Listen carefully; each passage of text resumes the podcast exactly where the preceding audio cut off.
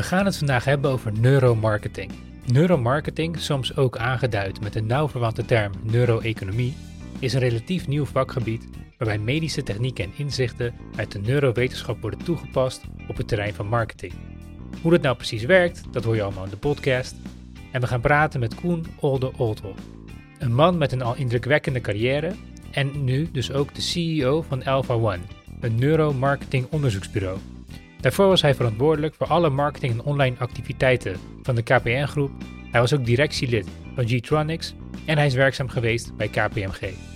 We verkennen de toch al bijzondere wereld van neuromarketing. Dat zal voor veel mensen, net zoals het voor mij was, een beetje een black box zijn. Want hoe werkt dat nou precies, dat neuromarketing? Wat kunnen ze dan wel allemaal niet meten in je hoofd en hoe doen ze dat dan? En het klinkt een beetje de toekomst, maar tegelijkertijd voor sommige mensen misschien ook een beetje eng. Want willen we dat wel, dat mensen in ons hoofd kunnen kijken? Nou ja goed, al die vragen en meer worden beantwoord. We raken niet alleen maar de technische aspecten, maar ook een stukje filosofie in deze podcast. Het was een eh, heel leuk gesprek en ik weet zeker dat jullie er ook van zullen genieten. Veel plezier met deze aflevering van Wat ze mis met neuromarketing.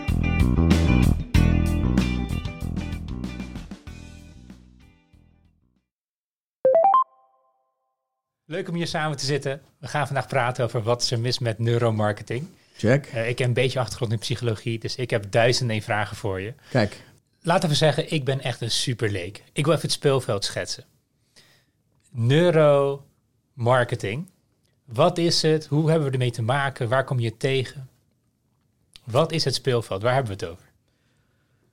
Um, ja, neuromarketing is het gebruik of het meten van uh, direct of indirect meten van, ik noem het maar even, brein, onbewuste responses, dus meer reflexmatige responses op allerlei vormen van stimuli. Uh, en uh, dat kan zijn een productnaam, een prijs, een verpakking, een foto, een commercial,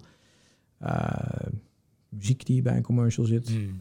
en wat we eigenlijk doen, we hebben meerdere manieren om dat te meten. En, en die, die zijn afhankelijk van de, um, het doel van, je, van, van wat, wat, wat je klant eigenlijk wil bereiken. En dat probeer je je product eigenlijk beter te maken of de boodschap makkelijker over te laten komen. Dat is eigenlijk het uh, gebruik van neuromarketing. Uh, of consumer neuroscience is tegenwoordig ook wel een gangbare term. Maar dat, dat is het eigenlijk. Je, je meet de onbewuste reactie van mensen.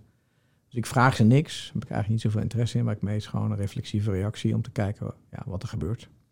En hoe doe je dat? Ik bedoel, wat moet ik dan voor me zien? Krijg je een soort petje op die dan meet wat in je hersenen gebeurt? Kan. Uh, er zijn meerdere manieren waarop je dat kan doen. Uh, de meest eenvoudige, ik denk voor meerdere mensen wel bekend, is eigenlijk gewoon eye tracking. Dus kijk je waar kijken mensen naar. Dat verklaart vaak ook al waarom uh, mensen moeilijk iets, bijvoorbeeld, eh, die zien iets niet in een commercial. Ja, je kan het wel inplakken, maar als mensen het niet zien, dan gaan ze het niet, niet op onthouden. En dan is de kans dat ze er iets mee gaan doen ook best wel klein geworden, om het mm. maar heel eufemistisch te zeggen.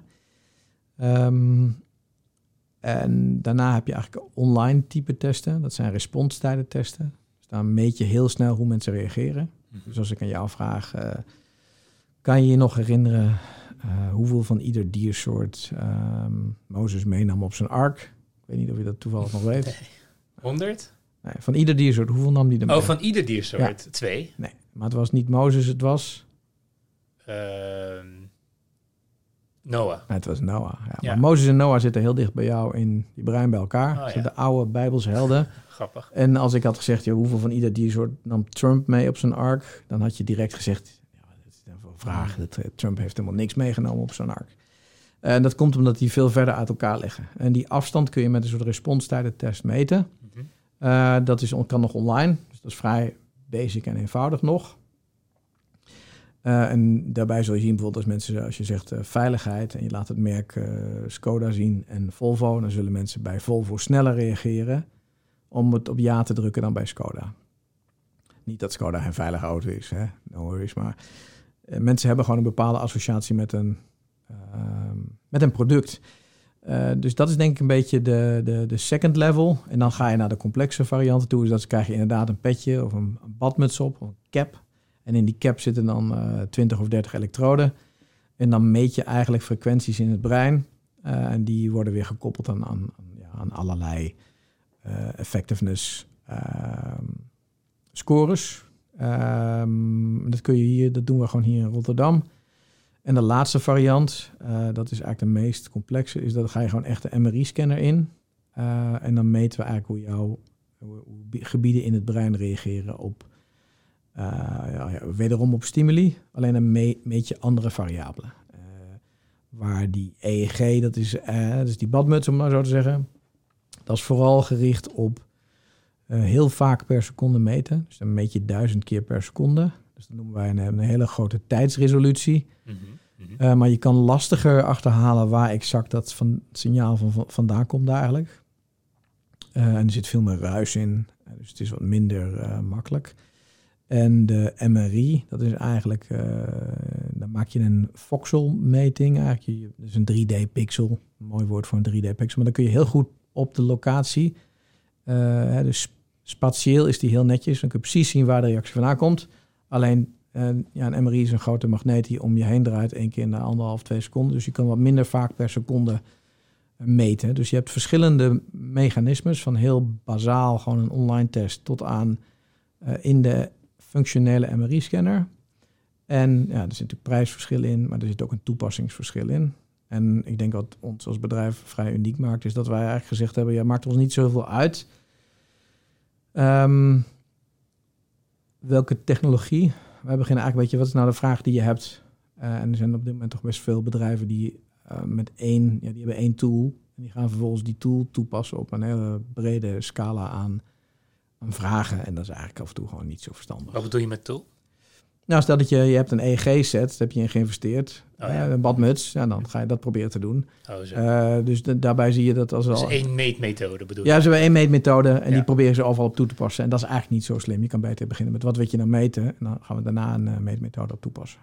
Um, daar zitten we vrij strak in. Dat komt, we hebben een soort officiële partnership met de Erasmus Universiteit. Dus veel van onze wetenschappers werken daarmee, publiceren af en toe ook papers gezamenlijk. Dus daar zit een soort. Uh, we, kunnen, we, komen ook commercieel niet weg met dat, uh, dat doen. Uh, en ik kom er ook intern niet meer weg, want al wetenschappers gaan aan mijn broek hangen als ik dat zou gaan doen. Dus, dus dan heb je een beetje een gevoel bij de, de, de meetinstrumenten.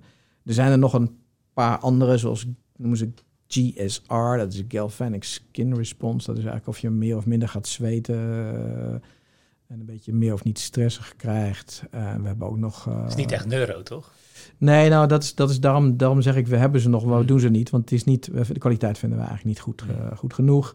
En hetzelfde gaat over facial coding. Dat is al, het ziet er heel fancy uit, maar ook daarvan is de wetenschappelijke bewijs uh, uitermate dun. En coding zou zijn dat hij herkent wat voor uitdrukkingen je maakt, ja, neem ik even ja, aan. Ja, ja. ja, dus je krijgt een soort, uh, je krijgt die, wat je wel eens ziet met, uh, nou ja, met je face recognition. En meet eigenlijk een aantal punten, geometrie op je gezicht. En op basis daarvan zegt hij eventueel lachen of je kijkt niet, of wel, of je reageert niet, of wel. Maar de zeggingskracht daarvan is eigenlijk gewoon heel beperkt. En wat je eruit haalt, is bijna iets wat je ook al gewoon live kan zien. Dat iemand gaat lachen maar goed, we hebben het ook wel eens getest. En dan gewoon met een paspop achter de software. En dan krijg je toch nog verschillende reacties. Eh, terwijl het, ja, je gebruikt een paspop, dus dat is best wel lastig. Ja, en dat komt dan vooral door het lichtval op de paspop van het video die je bekijkt. Maar goed, dat geeft al een beetje aan hoe het zit. Het is niet iets wat wij... Uh, Klinkt ook als vrij nieuwe technologie dat nog. Nou, dat is al wel veel ouder. Maar het is gewoon niet, um, niet goed genoeg. Uh, dat zegt niet uh, genoeg. Je moet toch uiteindelijk daarna naar een soort aanpassing of een edit toe gaan, dan wil je er iets mee gaan doen. Dus wij gebruiken het niet, laat ik het zo zeggen. Okay. Zegt niks over de bedrijven die het wel gebruiken, maar wij gebruiken het niet. Dus even om voor mij even heel concreet te maken, geen idee of ik het nu goed zeg of niet, maar stel dus, we houden het even bij auto's. Uh, stel BMW die komt naar jullie toe, die zegt, joh, ik wil een nieuwe campagne gaan doen. En voor mij is het heel belangrijk dat wij onder de jeugd worden gezien als een stoere auto. Ik zeg maar iets. Dan gaan jullie dus kijken, okay, welke meetinstrumenten passen erbij? Dan maakt BMW een aantal plaatjes of kleuren of wat moet ik dan voor me zien? Iets dat te maken met de campagne heeft. En dan gaan jullie meten, krijg je de reactie eigenlijk die je wilt aan de hand van de, ja, de manier waarop je de campagne doet? Um, ja, dat, ja en nee. Um, uiteindelijk als zij materiaal maken, dan kunnen we dat materiaal scannen. Hè? Dus dat... Uh, op meerdere manieren. Uh, dus dat kan eye-tracking zijn of EG. Vaak is dat bijvoorbeeld een commercial, een 30 seconden commercial. Dus bijvoorbeeld een, inderdaad een commercial, een commercial werkt, poster. Heel, werkt heel goed. Okay. Uh, die test je dan met zo'n badmuts op, met elektroden. En dan kijk je waar kijken mensen naar. Ja. Um, en wat is hun reactie? Dus als je bijvoorbeeld ziet dat mensen, uh, we meten onder andere, we doen nooit één meting, we meten altijd 30 mensen en al die data stapelen we op elkaar en vervolgens gaan we kijken van, zit er een soort trend in? Stel dat je, je een, een, een van de metingen die we doen is synchroniciteit. Uh, dat klinkt heel mooi, maar dat is eigenlijk de mate waarin die 30 mensen op dezelfde manier een commercial verwerken. Dat is een hele goede meetmethode om een beetje te kijken of het verhaal eenduidig overkomt. Want je zult zien dat als mensen allemaal een andere manier naar die commercial kijken, dan krijg je niet veel synchroniciteit. Um, en wat wij dan doen, nou laten we even zeggen voor BNB, is nog geen klant, maar mag met liefde bellen naar aanleiding van deze podcast. Uh, die um, leveren een commercial aan. En stel nu dat er twee momenten zijn waarbij daar een forse verandering zit in bijvoorbeeld die synchroniciteit. We meten nog een aantal andere frequenties, maar voor het gemak noemen we dat nu even dan gaan we eigenlijk naar die momenten in de commercial toe en dan kijken we uh, over die 30 mensen heen, wat, waar keken mensen nou eigenlijk naar? En, en uh, dat geeft je vervolgens een beeld van wat was nou de visuele trigger of de afleiding of waren meer, zijn er meerdere elementen in die commercial waardoor mensen eigenlijk afgeleid raken. Uh, en dat geeft vervolgens heel makkelijk weer een tool om tegen de betreffende partij te zeggen: uh, hey, uh, volgens mij is het verstandig om op seconde 12 even te kijken, want dan gaat iets niet goed. Mm. Uh, en dan even een heel praktisch voorbeeld. Um, nou, even uit de KPN-periode. Mag ik nu wel vertellen, want het merk is er niet meer. Maar bij Telford had je, die, had je de ex-miljonair. En die stond op een gegeven moment ergens op een balkon. En dan zie je dat om dat shot te kunnen maken als, als producent moet je heel... Ja, zo'n balkon is meestal niet zo groot dus iemand gaat op een krukje staan, dan krijg je een soort perspectief naar beneden. Die kijkt eigenlijk langs die miljonair heel erg ver in de diepte. Nou, onbewust is in diepte eigenlijk nooit een prettig uh, iets voor mensen. Dus mensen gaan er naar kijken en dan, en dan heb je niet al te positieve reactie.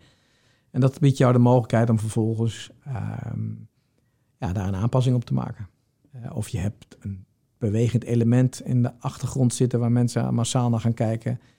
Uh, of je presenteert uh, eigenlijk simultaan twee visuele elementen. Dat kan een prijs zijn en een merk. Ja, dan gaan mensen naar verschillende plekken kijken. Mm. Als je dat niet goed stuurt of een klein beetje in de gaten houdt, ja, dan gaan mensen daardoor afgeleid worden. Of een te dichte close-up. Ja, dat vinden mensen ook vervelend, want dan kom je te dichtbij. Um, dat zijn allemaal van die onbewuste drivers die je dan vervolgens kan meten. En waarvan je terug kan gaan naar een bureau en kan zeggen: hey, dit zijn momenten waar ik het op aan zou passen. Of ik zou de voice-over laten in laten starten. Of ik zou de tekst uh, synchroon laten lopen. Of je hebt te veel uh, visuele elementen die om aandacht vragen. En in dat geval is dat is dan een beetje wat je voor uh, zou doen als het gaat over die, die campagne. En in de, waar je eigenlijk mee begon. Dus de vraag over, stel ik wil jongeren meer aanspreken.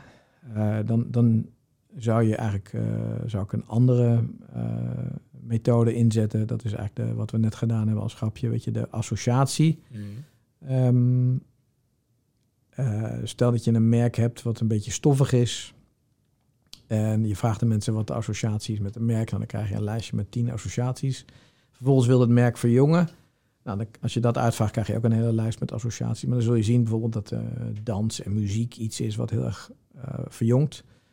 Alleen als je dat op, naar dat merk kijkt, ja, dan, dan gaan mensen dat niet uh, geloofwaardig vinden. Dan is die afstand tussen die associaties heel sterk. Dus wat je met een dergelijke test dan zou doen, is zou kijken van wat zouden nou elementen zijn die mensen vinden passen bij BNB. Eh, en wat zouden elementen zijn die uh, passen bij de doelstelling die BMW heeft. Bijvoorbeeld verjongen of een bepaalde jongere groep aanspreken. Om te kijken of je daar een soort match in kan vinden. Welke associaties staan daar dichtstbij? En welke passen bij BMW? Nou, dan komt een lijstje uit. En met dat lijstje kan je vervolgens weer naar je bureau toe gaan en zeggen... wij willen een campagne hebben die gaat over A, B of C. Ik heb geen idee. Het is misschien sport of artiesten. Want daarvan weten we dat dat goed werkt voor BMW. Maar dat werkt ook heel goed op verjongen. En door die twee samen te brengen... Eh, bouwen we eigenlijk uh, iets op. en als je dat niet doet, ja, dan heb je kans dat... stel dat ja, iets, dat ze iets heel hips hebben gevonden, maar dat is dan toch een beetje alsof je tante van 45 op je verjaardag gaat breakdansen. Het is een beetje awkward for everyone. en dan past het eigenlijk niet. Dus daar, zou je, daar kan je ook een meting op toe, toevoegen. Dus eigenlijk overal in die ehm, productontwikkel of media cyclus die er is, content, associaties, productie, heb je wel een, zijn er wel een aantal tools die je eigenlijk zou, zou kunnen uh, toepassen om, om gewoon onbewust te meten hoe mensen reageren. En hoe effectief is dat dan? Want ja, wat, hoe effectief is dat ten opzichte van gewoon een adviesbureau? Dus stel je voor, ik heb Pietje. Pietje is al 30 jaar marketeer. Die weet alles van marketing, heeft alles al drie keer gezien. Die kijkt naar een reclamespotje en die geeft jou gewoon advies. Zeg, joh, dit moet anders, dat moet anders. Dan ga je je doelen bereiken. En hier ga je toch uh, ja, scannen, meten. Hoe effectief is dat? Of is dat effectiever? Kan je er iets over zeggen? Um, er zijn twee antwoorden op die, die vraag. Uh, los van, ik ken Pietje niet, dus ene Pietje is natuurlijk een stuk, is een stuk beter dan de andere Pietje. Maar laten we even uitgaan dat Pietje uh, ja, ongelooflijk goed is. Dan heeft uh, Pietje heeft eigenlijk twee uitdagingen. ene, hij heeft allerlei aannames die hij gedaan heeft, allemaal heuristics. en die zijn heel goed waarschijnlijk, want dat heeft hij over de jaren toe geleerd. dus daar heb je voordeel van, van Pietje. het nadeel van Pietje is dat Pietje niet in staat is om buiten zijn eigen perceptie te treden. Dus um, er is een leuk onderzoek geweest waarbij ze creative, mensen dus eigenlijk die iets gingen maken, hebben, die hebben ze in de MRI-scanner gelegd. En die hebben ze eigenlijk gevraagd, neem nou gewoon je favoriete best performing ad mee die je ooit gemaakt hebt. Wat je dan krijgt als je dat met tien mensen doet, dan zie je eigenlijk dat over negen van die tien commercials zijn ze het met elkaar eigenlijk best wel eens. Dus uh, de een krijgt een 8, de andere een 9 en uh, een enkeling krijgt een 10. Dus gemiddeld wise uh, ben je goed in staat om het werk van een ander te beoordelen. Maar ja, wat gaat er nou gebeuren als je je eigen commercial ziet? Die geef je gewoon een 9, want ja, dat is je beste werk. en wat je daar dan ziet, is dat, dat misschien door, je, door de andere pietjes die ook meedoen, die krijgen toch een heel ander cijfer. Die geven het een 7,5. Hè? Misschien is het, vinden ze het wel een 6,5, maar ja, ze kennen Pietje uit de industrie, dus ze willen ook niet onaardig zijn voor hem.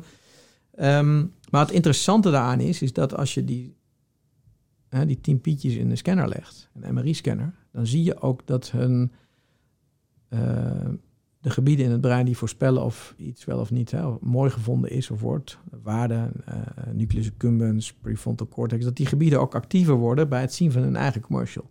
Dus niet alleen uh, zeggen ze dat ze hun eigen commercial de beste vinden, ze ervaren het ook op die manier. Hmm. En daar zit denk ik een van de uh, eerste triggers in van Pietje, zeg maar. Want hij is moeilijk in staat om zijn eigen werk op die manier te beoordelen. Um, het tweede is dat het vaak een, wat wij noemen, systeem 2-analyse is. Um, dus het is geen ja, onbewuste reactie, het is meer een, een postrationalisatie. dus ik ga achteraf vertellen, ja, waarom vind ik dit zo goed? Um, een hele mooie Russische wetenschapper. Die heeft in de jaren, van eind jaren 80, 90, Todorov heeft die mensen congressional candidates laten zien. Twee gezichten. Vervolgens heeft hij die mensen gezegd, stemmen, op wie ga je stemmen? Uh, wie, wie lijkt jij, wie vind jij het meest competent? En uh, leuk aan, gaf die mensen een seconde. En wat je dan ziet is dat 70% van de mensen, die kiest dezelfde kandidaat binnen die seconde. Hmm. En het interessante is, dat waren US congressional candidates. En het zijn eigenlijk ook altijd de kandidaten die dan de verkiezing winnen. Dat is toch een beetje een rare uh, gewaarwording. En wat helemaal raar is, als je mensen langer de tijd geeft om daarover na te denken. Bijvoorbeeld een minuut. En dan is die hele zeggingskracht weg. Dan is het allemaal 50-50 en uneven. En wat, wat hij daar uiteindelijk na jarenlang het onderzoek doen achterkwam, is dat de relatieve breedte van de mond uh, een grote uh, bepaler was voor de keuze die gemaakt werd. Oké, okay, vind ik een hele rare, ja. Heel, heel gekke uitkomst. Ja, en dat, uh, uiteindelijk blijkt dat terug te gaan naar primatology, dus gewoon primaten. Mm -hmm. de, de, monkey with the biggest uh, mouth was alpha, de alpha monkey. En wat je ziet in, in die hele industrie is, of in de wetenschap eigenlijk, dat er heel veel van die onbewuste drivers nog in jouw basissysteem zit. Ja, als ik een ballon nu achter ons zou laten klappen, gaan we allebei meteen omkijken. Mhm. Dat is niet een keuze die je maakt, dat is gewoon een reflexieve eh, actie. Gezichten in commercials, daar gaan mensen naar kijken, of je het nou wil of niet. Uh, gaat vaak zo snel dat, dat, je er niet eens van bewust van bent. Um, dus uh, Antonio Damasio, andere man die heel veel eh, werk gedaan heeft, die zegt eigenlijk mensen zijn geen rationele wezens uh, die af en toe een emotie hebben. mensen zijn eigenlijk gewoon emotionele wezens die heel af en toe ook nog eens een keertje een beetje rationeel zijn. En ik denk dat hij dat wel mooi benoemd heeft. En daar denk ik dat je in die hoek zit ook een beetje het voordeel van metingen doen op, op het brein. Hmm. Wij, we hebben geen mening, zeggen we altijd. We hebben gewoon een meting. en de industrie is relatief relatief jong. Ehm, en dat betekent ook dat er dingen zijn die wij zien die niet goed gaan. Maar als je me dan vraagt waarom gaan die niet goed, ja, daar heb ik lang niet altijd een antwoord op. Maar we scannen nou zo'n jaar of vier, vijf, we hebben duizenden commercials gedaan. Dus uiteindelijk ga je gewoon patronen zien en denk je, ah, dit, werkt, dit gaat niet werken. Ja, want dat zie je gewoon meerdere keren terugkomen in een commercial. Ja, en daar kan je vervolgens als Pietje weer je voordeel mee doen. Dus om nog even bij Pietje te blijven. Als ik kijk naar alle bureaus waar wij mee werken, dan heb je. Uh, misschien is de indeling is een tweevoudige indeling. De een is de wat oudere Pietje die achterover gaat zitten met zijn armen over elkaar gekruist. En die gaat zeggen: Ga jij mij nou vertellen hoe ik een reclame moet maken? Uh, en je hebt een aantal mensen, en er zitten ook een aantal oudere mensen bij, want dan ben ik een beetje op leeftijd aan het, uh, aan het discrimineren, is ook niet helemaal de bedoeling. Die zeggen eigenlijk: als je mij nou eens uitlegt hoe dit werkt, want ik denk dat als ik dat beter snap, dan kan ik eigenlijk betere commercials gaan maken. En daar zit het denk ik een beetje, een beetje in. Um, je, moet niet vergeten, wij hebben een creatief idee nodig. We hebben iets nodig om te kunnen, te kunnen testen. Mm. Uh, dus dat is, uh, als er niks is, kunnen wij niks, kunnen wij niks meten. Dus ik heb een heel groot, die hangen hier ook aan, aan de muur. Ik heb gewoon een heel groot respect voor sterk creatief werk. Maar ik weet ook dat ze daar zelf over kunnen oordelen. Dat dat een verdacht lastig uh, uh, ja, onderdeel is. En vaak ook heel ja, systeem 2, dus cognitief achteraf over rationaliseren wat of hoe of waar.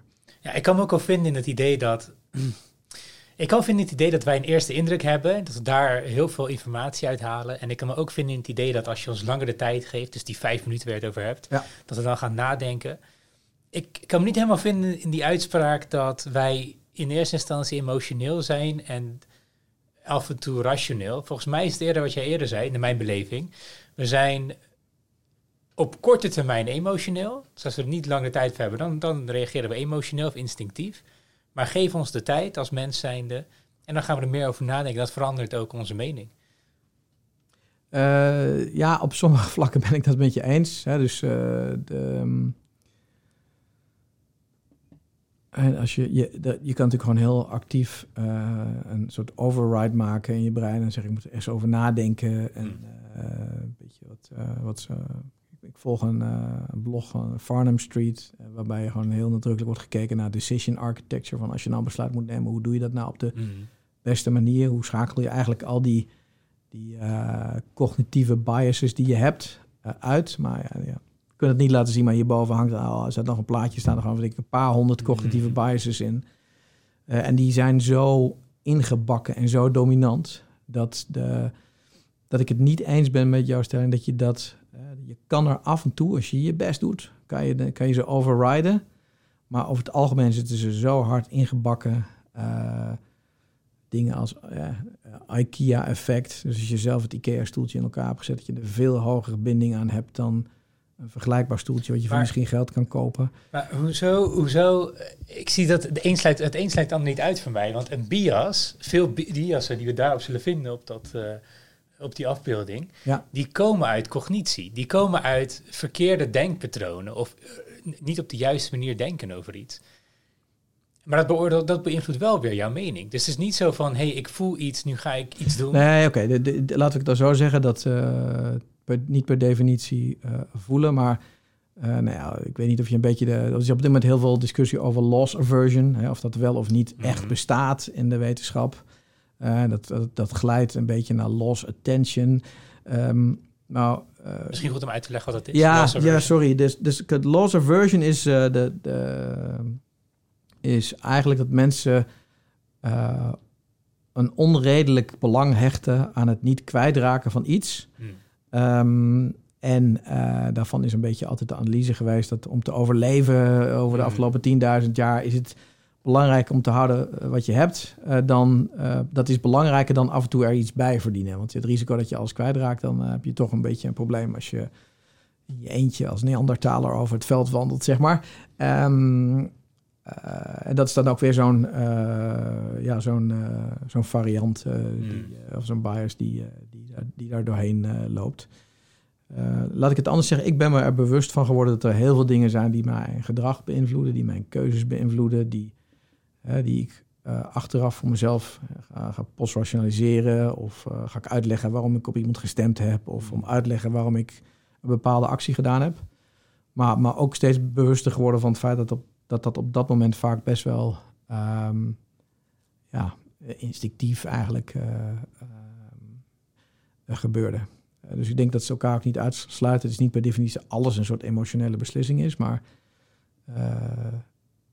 de homo economicus waar ik mezelf vroeger meer toe... Uh... Ja, ja, ja. Misschien goed om die even toe te lichten? Wat is ja, nou, dat is eigenlijk de, de, de, de, gaandeweg het beeld ontstaan is dat er eigenlijk alles wat mensen doen, dat dat een soort economische afweging is. Mhm. En dat je daar dat je tot een soort uh, ja, 3 plus 3 is 6 en de andere afweging is 5. Dus dan ga je voor, bij wijze van spreken, je gaat voor die 6, want dat levert je meer punten op. Uh, en, en dat is wel een beetje weg. Dus de, de, de, heel veel, denken we, afgelopen onderzoek van 10, 15 jaar laat zien dat mensen eigenlijk gewoon heel irrationeel handelen.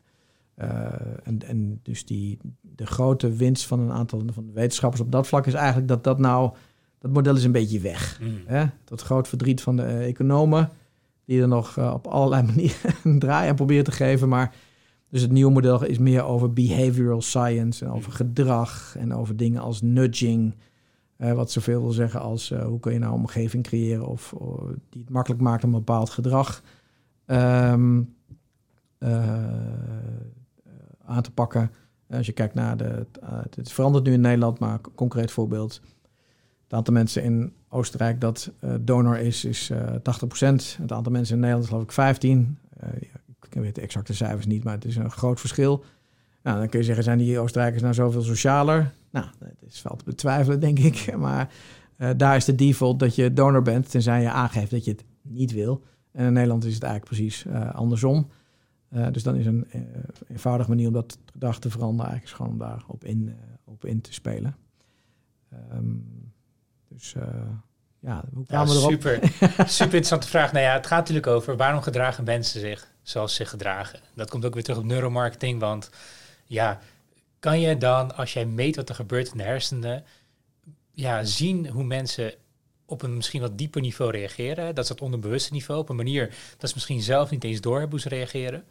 En kan je er daar dan tweaks in te maken of aanpassingen ook het gedrag beïnvloeden van mensen? Kijk, uh, voor mij is die vraag super interessant. Ik denk dat het ook nog, nog steeds de wetenschap heel erg zoekende is. Ook als ik bijvoorbeeld jou hoor over de wat grotere mond. Ja, ik, ik neem je woord natuurlijk voor aan, maar ja, het voelt voor mij zo ver weg dat, dat, dat, dat, ik zou, eh, die grotere mond die hoef je niet aan te nemen, want die, dat is gewoon, uh, moet je googlen, Todorov, en die, het, het, grappige aan die is, ik noem hem altijd omdat mensen dat gewoon altijd heel naar en vervelend vinden. Van ja, dat doe ik, dat doe ik niet. Of uh, hoe kan dat nou? En je, het grappige aan die studie is dat die mensen aan het begin ook dachten: ja, dat klopt niet. Weet je, dat is niet goed. Uh, dus die hebben die studie, en ik geloof in 2000, 2002, 2004, die hebben ze gewoon acht keer gerepliceerd uit pure uh, frustratie. En dan zijn ze mensen gaan vragen: waarom heb je dat dan gedaan? waarom stem je daarin? Ze hebben de tijd dat je moet kiezen zelfs teruggebracht tot een paar honderd milliseconden. Ze hebben datzelfde wetenschappelijk experiment herhaald in uh, Zwitserland met uh, kinderen van 15 jaar. En die hadden ze een Lego-boot. En zeiden, ja, je hebt een boot en dan moet je met die Lego-boot trooien aanvallen. Uh, maar je moet nog even een kapitein kiezen voor je boot. En lieten ze dus die, weer die kandidaten zien, zeg maar. En daar zag je eigenlijk exact dezelfde Um, Alleen het grotere mond, dat was de beslissende... Ja, uiteindelijk, kijk, die kinderen kiezen gewoon, die weten dat niet. En als ik het aan jou vraag, en dat is interessant, dan weet je het ook niet. En uiteindelijk hebben ze na jarenlang kwamen ze er eigenlijk achter dat de enige variabele die dat verklaart, is de relatieve size of the mouth. Um, en dat was toen, toen primatologen er, er, uiteindelijk naar zijn gaan kijken. Want aan het begin ga je kijken naar leeftijd, uh, haarkleur, nou ja, noem maar op. En dat, dat is eigenlijk de enige variabele. En die hebben ze vervolgens opnieuw getest. En dat is dan degene wat, die erop terugkomt. En en het interessante daaraan is dat er dus blijkbaar, als je dat hele moderne brein, wat wij wel hebben en heel veel andere dieren niet, als je dat eigenlijk van die uh, de afvalt, dan zie je nog dat er heel veel van die oude structuren er zijn. En het is niet een zwart-wit opdeling. En je hebt niet een oud brein en een nieuw brein. Dat is allemaal met elkaar uh, verbonden en door uh, geëvalueerd. En ja, wij kunnen over dingen nadenken. We kunnen dat uitschrijven. Dus als we willen, dan kunnen we het ook... We can override it. Mm -hmm. Of in ieder geval ervan be bewust zijn bijvoorbeeld. En daar kan je dan weer hacks op bouwen. Maar het is verdacht dominant in de, wat je doet en hoe je reageert. en... en om dan even terug te gaan naar jouw vraag. Uh, wij meten dus wel mensen, maar wij zeggen, je kan eigenlijk niet iets zeggen over één respons. Dus ik ben ook helemaal niet geïnteresseerd in één individuele meting. Dus wij meten altijd minimaal 30 mensen. Die, da die data stapelen op elkaar. Want één individuele meting, die kan vervuild zijn. Uh, stel, er zit een hond in een reclame en meneer is bang voor een hond. Ja, dan gaat het een andere reactie op geven. Dus we, stapelen die data op elkaar, halen we een grafiek uit. En daar blijkt dan uit een beetje van hè, waar zitten die momenten. Um, kijk, en die momenten kunnen we aanpassen. Dus die diepte kan je uit een beeld halen. Uh, de voice-over kan je op een ander moment in, in, uh, in, in starten. Dus, dus, wat je daarmee kan doen is eigenlijk dat je de communicatie effectiever maakt. Uh, wat je niet kan doen is een soort ja, knop aanzetten en dat je als een zombie naar de winkel loopt om uh, producten te gaan kopen. Dat is toch ook vaak een beetje een soort uh, urban legend. En net zoals de Coca-Cola met subliminal messaging en popcorn in een film, wat, wat, ooit iemand een keer geroepen heeft. En wat nog denk ik nog steeds drie van de vier Nederlanders of weet of kent. is ook al busted, is niet waar, werkt zo niet. Als je dat erin stopt, dan gebeurt er eigenlijk niks met de verkoop van popcorn. En Coca-Cola in, uh, in, de, in de cinema's. Uh, dus dat zijn allemaal ja, soort urban, urban legends. maar wat je wel kan doen is ervoor zorgen dat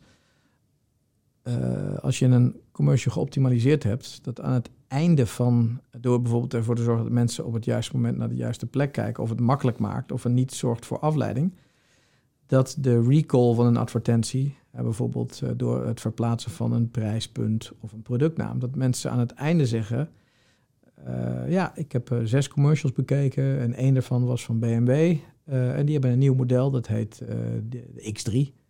En dan kun je ervoor zorgen dat een, een substantieel groter aantal mensen die BMW-commercial heeft onthouden. dan als je het niet geoptimaliseerd hebt. En daar zit denk ik uiteindelijk de. Je maakt de communicatie effectiever. Um, en uh, ja, beïnvloed je dan mensen? Ja, ik denk je beïnvloedt de media uh, door hem zo te structureren dat meer mensen het eigenlijk goed processen en kunnen onthouden. ja, en daarvan weten we als mensen een productnaam of een merknaam vaker, beter of langer zien, dat ze hem makkelijker onthouden. Um, ja, en we hebben één klant, daar hebben we bijvoorbeeld visuals in de winkel voor aangepast. En die had een hele mooie visual gemaakt waar het product op zichtbaar was, maar ook een, een, een man die dat dan aan, uh, die het product eigenlijk droeg. Mm. Uh, maar die was heel duidelijk zichtbaar. Dus wat je ziet eigenlijk is, zit, staat in de winkel. Mensen lopen vaak binnen een seconde, twee seconden uh, langs een, een schap of langs een, een, een ja, reclame in een winkel of een point of sale.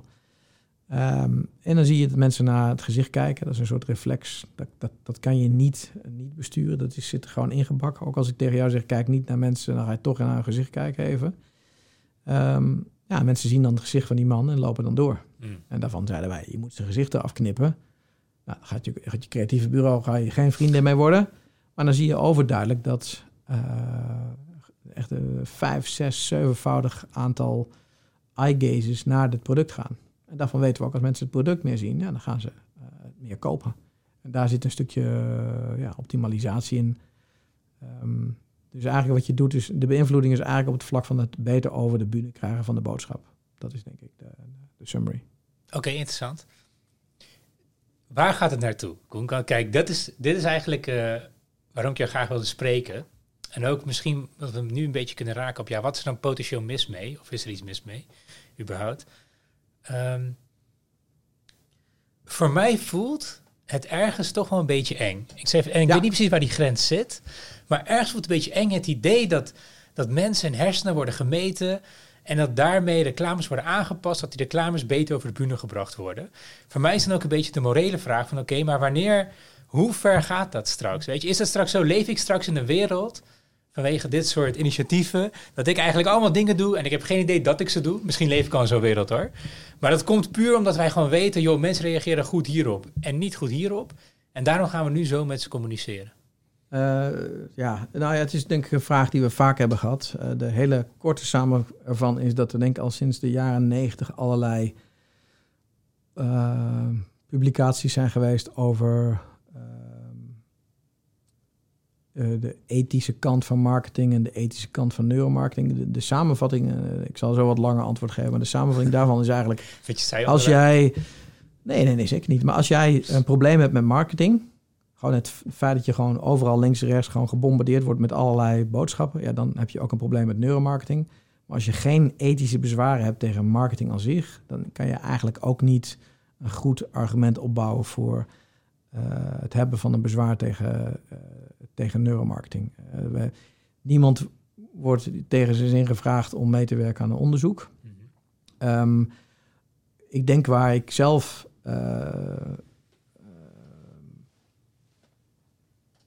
meer, uh, waar ik zelf me zorgen over maak, is eigenlijk meer de, het feit dat, ik, dat mensen informatie van mij verzamelen en vervolgens daar een profiel van bouwen en mij informatie voorschotelen die gewoon niet correct is.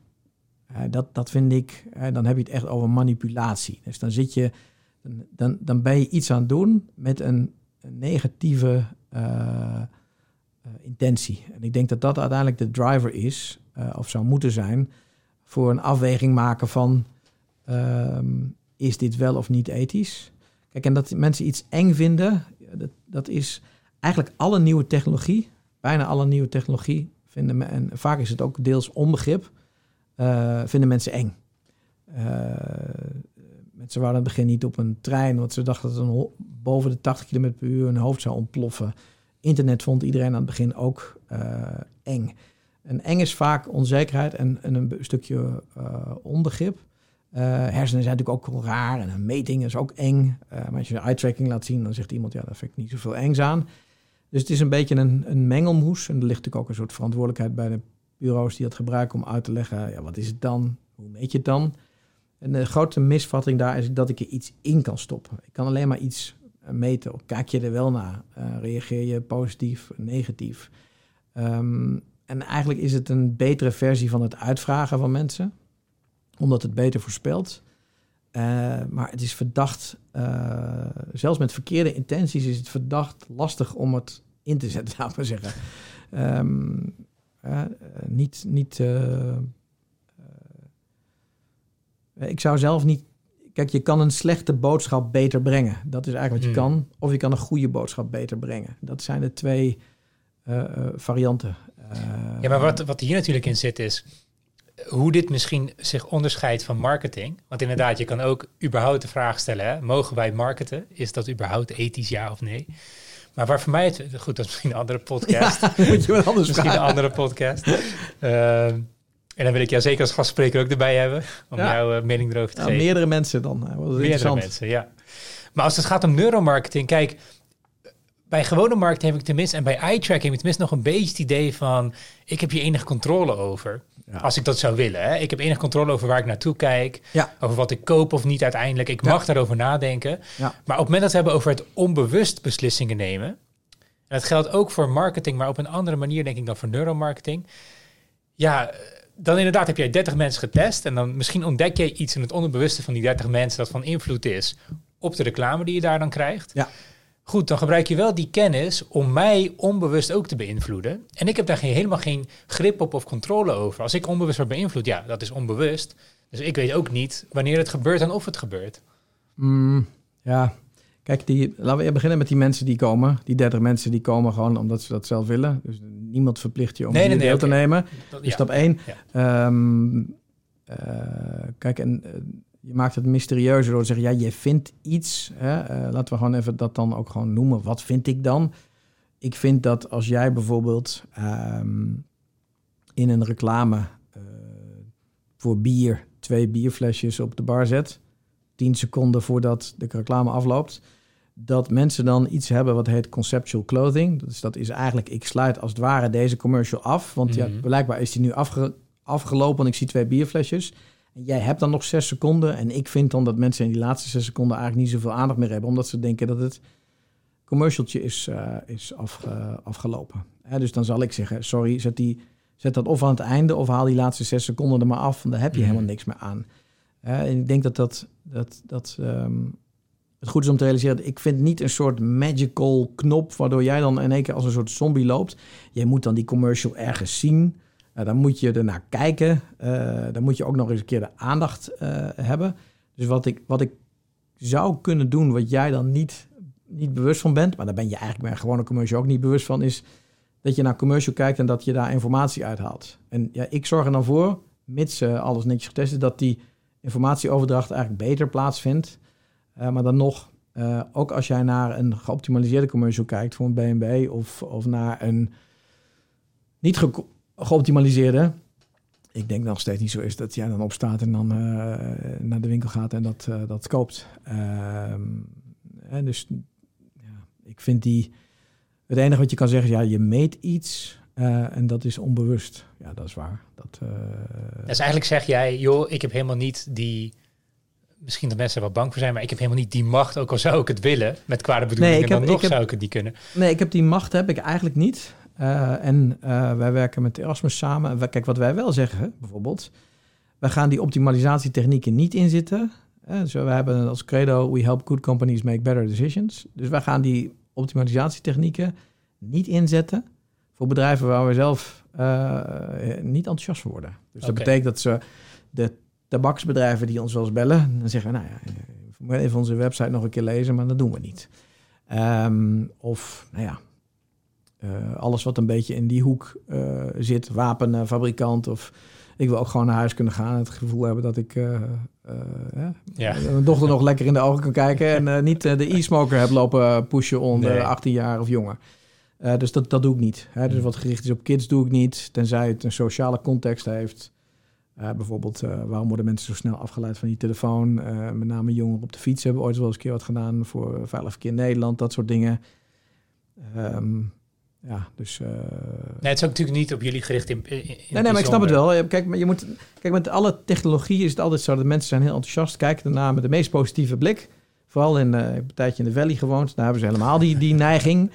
Uh, en het is altijd goed om na te denken van, oké, maar wacht, wacht even. Stel dat ik ben nou, nou, laten we eens een slecht iemand noemen. Ik ben Donald Trump. Hmm. Hoe kan ik dit nou op een hele slechte manier inzetten? Um, uh, en dan denk ik dat uh, ja, de Cambridge Analytica, de psychographics, het op grote schaal mensen op hun sociale profiel targeten. Er is geen neuromarketing aan te pas komen. Dat is, dat is, dat is echt vele malen, ah, het is vele malen effectiever.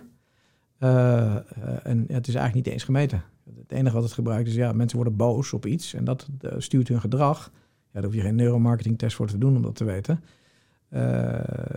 en dat ga ik gewoon op allerlei basale liegende manieren inzetten. Ja. Uh, ja, op, op een schaal die, uh, die je met neuromarketing... Ik kan een testje draaien met 30 mensen per dag, zeg maar. Al haal ik niet eens, denk ik. Heb ik al drie, vier dagen voor nodig. Dan heb ik een iets betere commercial van, uh, van BNB. Ehm, dus ik snap dat het eng is. Denk deels onbegrip. ja, deels ook... Um, ja, ik denk veel, het is toch veel onbegrip. Ik denk dat mensen gewoon hier een week mee zouden lopen, zouden zien wat we doen en wat we dan opleveren en welke tips we dan geven. Van, Als je de ondertitel in beeld laat komen, wacht dan even totdat het logo weg is, want mensen zijn afgeleid visueel door het logo en zien dan de prijs van het product niet. Nou, het is altijd heel dubbel natuurlijk, want ik ook als, als, als met mijn psychologische achtergrond, ik ben natuurlijk heel erg geïnteresseerd in wat mensen drijft en hoe je het kan beïnvloeden. Alleen er gebeurt gewoon iets en misschien is dat gewoon instinctieel hoor. Ja. Dat als je zegt, joh, ik ga je hersenen meten of ik ga iets meten aan jou, ja dan krijg je toch een soort reflex van oei. Ja. Wat, wat vind ik daar eigenlijk van? hey, maar, maar dan... Uh... Ik, ik snap het helemaal. Ik vind het ook een... Uh, ik heb er zelf natuurlijk ook over nagedacht. want het is een soort van... Ehm, kijk, je haalt... Kijk, waar het, wat, ik denk waar het ermee zit... is dat als hij bijvoorbeeld... als wij... we testen ook content. Nou, Hmm. mooi voorbeeld. We testen bijvoorbeeld content voor een televisieformat. Hmm. En uit, daaruit blijkt dat eh, nou, mannen en vrouwen kijken dat. Dus we testen 30 mannen en 30 30 vrouwen. Dan gaan zij iets zeggen over dat eh, televisieformat. Maar dat is niet altijd de, hoe ze erop reageren. Daar zit denk ik een beetje dat, dat, dat spanningspunt. En ik vind dat juist een super interessant spanningspunt. Want nou, vrouw, een man kijkt naar een televisieformat en zegt... ja, ik vind er eigenlijk niet zoveel aan... maar ik kijk dit voor mijn vrouw altijd op vrijdag. Nou, oké, top. Maar als we dan zien hoe zij eh, engaged zijn op dat programma... dan zien we dat ze eigenlijk exact dezelfde engagement hebben. Ze vinden het gewoon heel leuk... maar het is niet zo bonton, nou maar zeggen... om te vertellen dat dat type programma... eh, dat jij dat super leuk vindt. En andersom, eh, stel er is een, een programma wat, eh, ehm, wat erotische content heeft. Dan zullen mannen zeggen, zo, dat was, ah, dat vond ik wel oké. Vrouwen hebben toch de neiging om te zeggen, ja, het deed me eigenlijk niet zoveel. Maar ja, als wij dan volgens kijken naar hun reactie op die content, is die eigenlijk ook best hetzelfde. Dus er zit een soort sociaal, je had een sociaal eh vernisje eraf. Ehm, en dat is misschien, denk ik, eh, deels wel waar jouw, eh, ja, waar dat gevoel vandaan komt, denk ik. Dus het is ergens misschien zijn we ook een beetje bang dat we straks de waarheid naar buiten komt. Dat is eigenlijk wat je zegt. Ehm, ja. ja. Maybe ergens wel.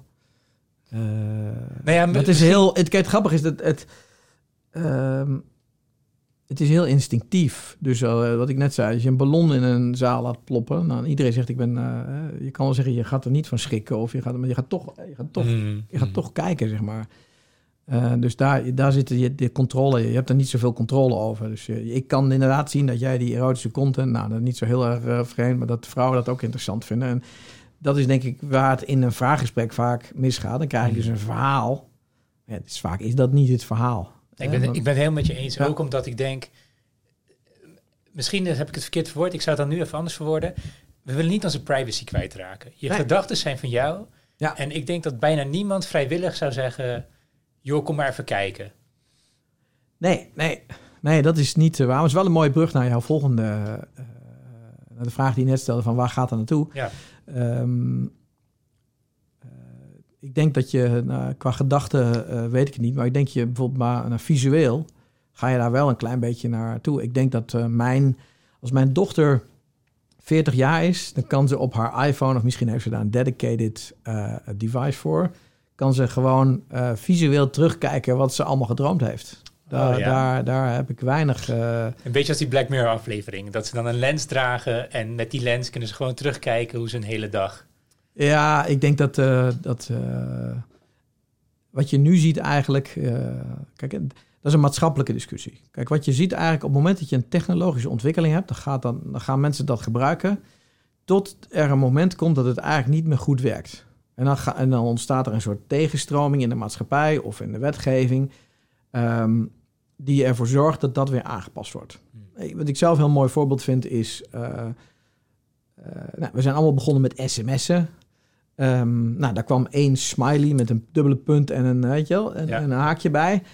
Ehm, en uiteindelijk ga je steeds meer via dat medium doen, WhatsApp. Maar dan blijkt, ja, dat is toch net niet genoeg. Want de ene keer is het een shruggy, de andere keer is het een, eh, een traan. En dus er ontstaat een heel lexicon aan, aan components waar mensen eigenlijk een, dat deel weer in eh, teruggeven wat ze eigenlijk kwijtgeraakt zijn in een normale conversatie. Hè? Want je kon dus een sms'je krijgen dat je denkt, jezus, doe eens normaal. En dat iemand zegt, ja, dat bedoelde ik, dacht dan, je was toch gewoon grappig bedoeld? En dan denk ik, Ja, oh, ja, dat ja. was dan grappig bedoeld. Maar nu, met een big smiley erbij, dan heb ik meteen een soort contextual information. Eh, en dat, dat is een soort stroming. En ik denk dat je dat hier ook gaat krijgen. Ehm, ik, als ik eerlijk ben, ik denk niet op het gebied van neuro, want het is gewoon niet eh, groot genoeg. Maar wel bijvoorbeeld op het gebied van privacy, op het gebied van data. eh een derde van de opslag van eh, Google bestaat uit ja, history van wat jij ooit in de afgelopen twintig jaar, of in mijn geval misschien langer, hebt inlopen toetsen op Google. Alles. Hè, en daar kun je natuurlijk weer heel veel informatie mee doen. Dan kun je hè, ja, advertenties, dat je denkt, god, dat is toevallig, dan krijg ik advertentie altijd daarover. Ja, dat is dan nog de positieve variant, maar die is natuurlijk, hè, zoals nu ook, eh voters data uit Amerika, gewoon eh, door de, onze Russische en Chinese vrienden of uh, Iran, geloof ik, was het ingezet worden om mensen juist die informatie te voeren die ze, waarvan je weet dat je ze gewoon heel boos maakt en je gedrag gaat beïnvloeden. Daar ga je denk ik ook weer een tegenbeweging op, op, op krijgen. En ik wil nog eens dan teruggaan naar het, de toekomst van neuromarketing. Gaat het ooit gebeuren, denk jij, dat wij zo ver zijn dat je een patchje op krijgt en uh, je komt een scan, duurt een kwartiertje, weet ik veel. Je loopt eruit en je krijgt gewoon een lijst. Dit vind jij leuk, dit vind jij niet leuk, hier ben je gevoelig voor, dit zijn je valkuilen. Nee, denk ik niet. Ehm, de, kijk, elke beetje serieuze neuromarketingpartij, en uiteindelijk zijn er in de wereld zijn er eigenlijk heel weinig. In Nederland heeft er twee. Er zit er eentje in Denemarken, er zit er eentje in Londen, Australië en, en eentje in Amerika. Nou, misschien dat ik iemand vergeet, maar als je naar de Neuromarketing uh, Business Association gaat, uh, dan, dan zul je zien dat er heel veel troep in de markt is. Dat is een van de grote problemen van de neuromarketingwereld. Want ja, sexy, niemand weet er iets van. Dus als jij met een goedkoop headsetje komt en je belooft klanten wonderen, dan, uh, ja, dan, dan ga je daar snel intrappen. Dus dat is eigenlijk een van de problemen. Dus het is aan nog een jonge industrie. En B, het brein is zo ongelooflijk ingewikkeld. Mm dat dat niet zo snel gaat uh, gebeuren. Ik geloof nog wel in wat je nu ziet, de eerste testen om. Waarbij eigenlijk mensen worden meer uit voor HR-doeleinden worden getest. Van wat soort type werk zou jij goed voor zijn? Ben je meer, heb je een heel goed special inzicht? Of ben jij, mm. nou ja, dat, dat, zijn, dat, dat geloof ik nog wel. Maar, maar waarom dat wel? Zitten daar, zijn het aparte regionen van de brein die je dan meet? Of waarom dat dan weer wel?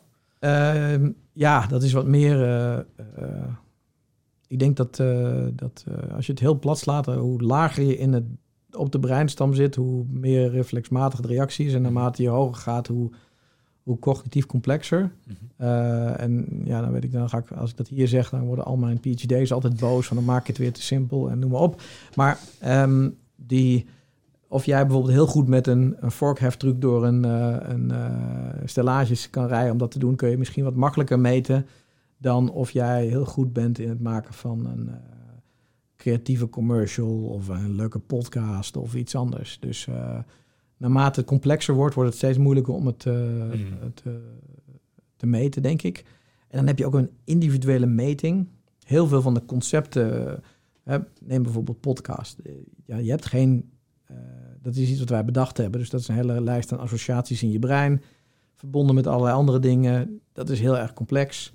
Uh, dus ja, je kan niet zeggen, ik ga even de podcast meten in het brein. Je kan hooguit meten van, uh, als ik dat roep, welke regionen, welke netwerken in mijn brein worden uh, actief.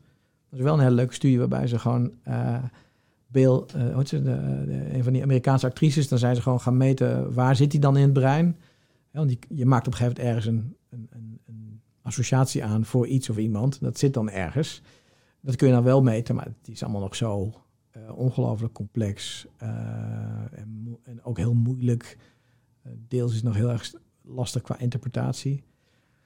Dus ik denk bijvoorbeeld visuele cortex, beelden meten. Hè, daar zie je nu al wel in. Heb je Jack Gallant, die heeft een hele mooie lab in Californië. Waarbij die gewoon ja, computers traint om op basis van brein data. En hij laat mensen beelden zien, bijvoorbeeld 20 beelden. En dan, rij, en, dan meet hij de reactie in het brein. En vervolgens um, traint hij daar een algoritme op. En vervolgens gaat dat algoritme weer proberen te verklaren van... kijk je nu naar een fiets of naar een... Mm. Als je die beelden ziet, dan zie je nog hoe ongelooflijk uh, bazaal het is. Maar tegelijkertijd weten we dat ja, die snelheidsontwikkeling gaat heel snel. Dus maybe, misschien als wij oud en krakkemikkig zijn, dat we ergens naartoe lopen en dan, uh, dat we dat dan zeggen. Maar goed, daar maak ik me eigenlijk ook niet druk om. Want ja, ik heb, vroeger vond ik A heel erg leuk. En dan, nou, ja, uh, vijf jaar later heb ik een heel andere voorkeur voor iets. Hmm. Dus ja, dat, ik weet niet. Ik heb, uh, wellicht is het ook omdat je er veel inhoudelijke kennis over hebt, dat je je niet wat zorgen over maakt. Of dat je het voor jezelf wegredeneert, kan natuurlijk ook. Dus ik weet niet. Ja, als we het toch hebben over mind control, laten we eerlijk zijn we worden nu mind controlled of we het nou willen of niet. Bij wijze van, bedoel, wij zijn allemaal verslaafd aan iets, toch? Of het nou suiker is, of je feed, of het iets anders is. Dus uh, volgens mij zijn we die drempel van... wij doen allemaal dingen die we eigenlijk niet nodig hebben of niet willen. Die zijn wel lang voorbij. Um, ja. Ja, ja. Ik, ik denk dat uh, mijn grootste... kijk, je hebt gewoon... ja, je hebt een, dat heet een Skinnerbox.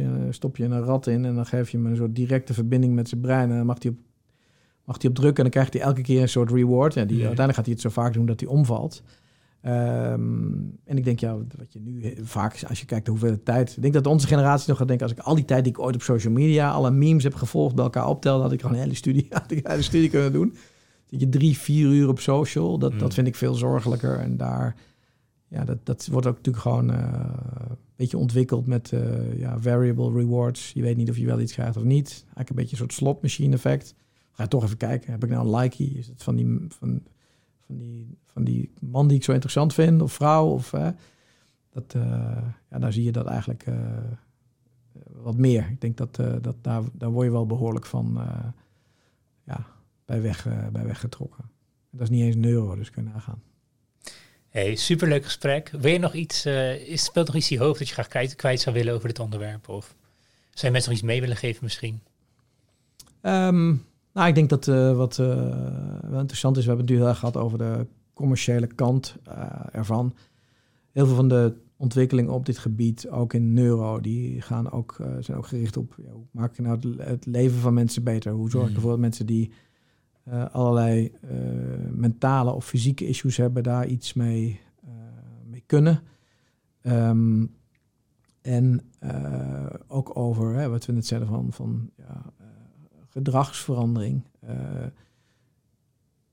als je even kijkt naar een stukje overheid of hoe mensen zich aan gedrag, uh, gedrag kunnen veranderen, over duurzaamheid bijvoorbeeld, hmm. dan zijn het juist hele interessante methodieken, omdat je daarmee dingen kan laten zien die je eigenlijk niet uit die vragenlijst uh, krijgt. Dus zeggen mensen, ja, vind ik super interessant, heel belangrijk, duurzaamheid, maar zie je dat ze toch andere keuzes maken.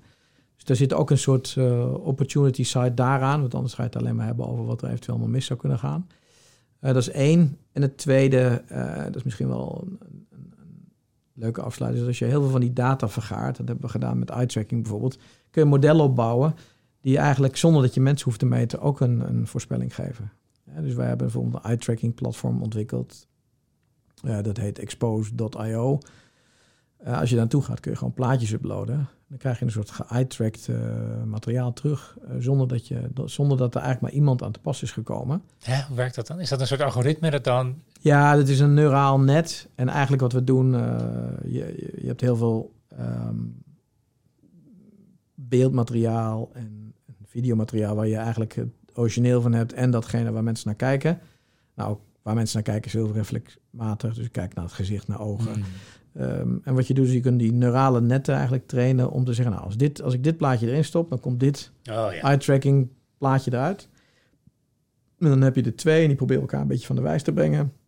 Als je maar genoeg data hebt, dan kun je eigenlijk gewoon gaan trainen en voorspellen van nou, als dit het plaatje is, dan kan ik met uh, eh, 90% zekerheid zeggen dat dit de plek is waar mensen naar gaan kijken. Oh, leuk. Ja, en dat, dat draait nu een maand of twee, drie bij ons uh, live. En dan heb je eigenlijk een soort, uh, ja, basisvorm van neurometing zonder dat je überhaupt nog mensen hoeft uh, te gaan uh, testen. Ja, ik ga het uitproberen ja, een paar foto's. Dus kijken of ik de aandacht krijg die ik verdien. Ja. Uh, als mensen jou willen bereiken, vind je het leuk als mensen je ergens kunnen bereiken? Of via welk kanaal zou dat kunnen? Of wanneer mogen ze jou contacteren? Nee, als mensen vragen hebben of uh, iets willen weten, dan ik heb, ben gewoon bereikbaar op koen.alpha.one. Dus dat is Koen met een C. Apenstaatje alpha, A-L-P-H-A. O-N-E, one. Dus uh, kom er rechtstreeks bij me binnen. Dankjewel Koen, leuk gesprek. Yes. Hey, graag gedaan. Top.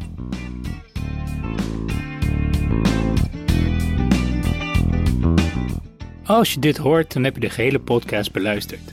Andere afleveringen zijn te vinden op www.watisermismet.nl Mocht je met mij in contact willen komen, stuur dan gerust een mailtje naar watisermismet.gmail.com Ik wil iedereen bedanken die helpt om deze podcast mogelijk te maken. Dat zijn mensen zoals jij die luisteren naar de podcast, alle gasten die zo vriendelijk zijn om deel te nemen, iedereen die de podcast deelt en promoot en natuurlijk alle mensen die doneren of een abonnement afsluiten. Jullie maken deze podcast mogelijk en zonder jullie zou ik het niet kunnen doen. Ik hoop dat jullie van deze aflevering hebben genoten en tot de volgende keer.